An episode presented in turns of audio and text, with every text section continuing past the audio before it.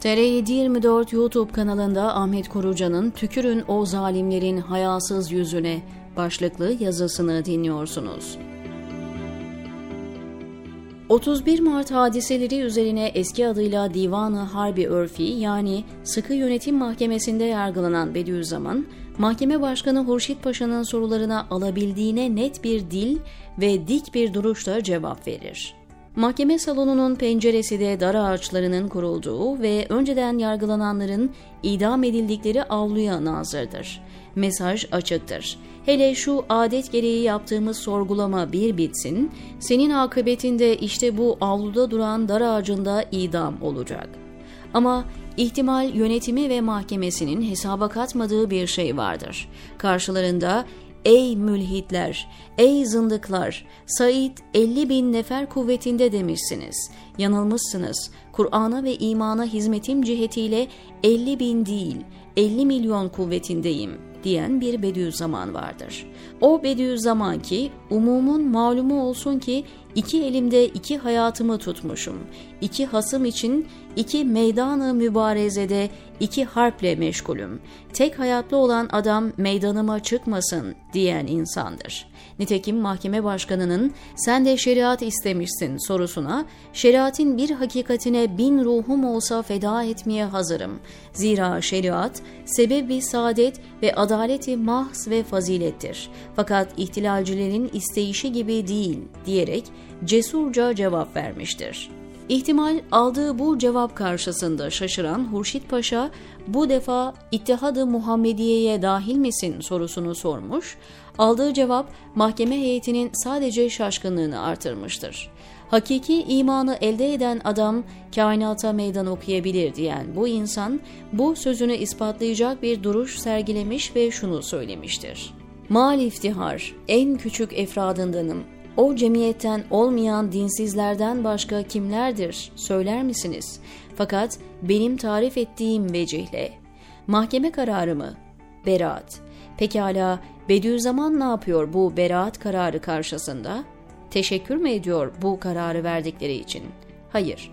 Aksine mahkeme salonunun yer aldığı Beyazıt'tan Sultanahmet'e kadar kendisine eşlik eden kalabalık bir kitleyle yürürken avazı çıktığı kadar bağırıyor.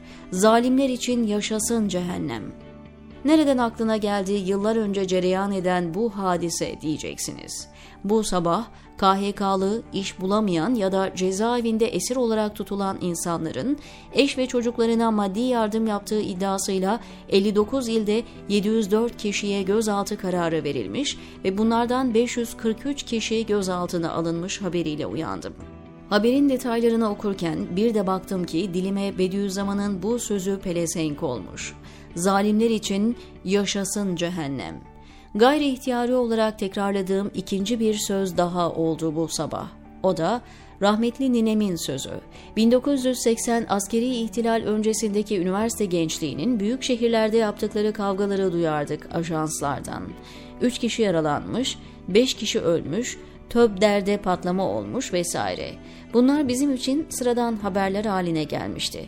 Haberleri her dinleyişinde merhume ninem gün yevmi better derdi. Manasını anlamazdım. Ne demek istediğini de bilmezdim. O kadar çok tekrar etmiş olmalı ki ezberlemiş ve şuur altıma depolamışım bu cümleyi. Bu sabah o cümle de açığa çıktı. Gün yevmi better.'' İnanan bir insan olarak ninemin bu cümlesine prim vermek istemiyorum. Allah'tan ümidin kesilmesini kabullenemem. Bunu daha iyinin, daha güzelin, daha doğrunun, daha faydalının hayat bulmasına engel olacak, dirilişi değil yanlışlara karşı direnişi kıracak bir unsur olarak görürüm. Kısa vadede var olan bu olumsuzluklar ümit eder, gayret eder ve Allah'ın sonsuz lütfundan diler ve dileniriz ki uzun vadede olumlu şeylerle yer değiştirir. Fakat bugünü ve bu sabahı konuşalım istiyorsanız sözün bir kez daha bittiğini söyleyebilirim.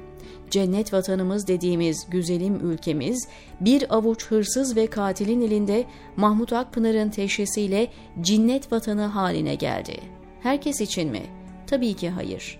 Dün düşman olup bugün el ele veren hırsızlarla katillere yandaş ve taraftar olanlar hariç. Son sözü Bediüzzaman'a bırakıyorum. tükürün o zalimlerin hayasız yüzüne, diyor Ahmet Korucan TR724'deki köşesinde.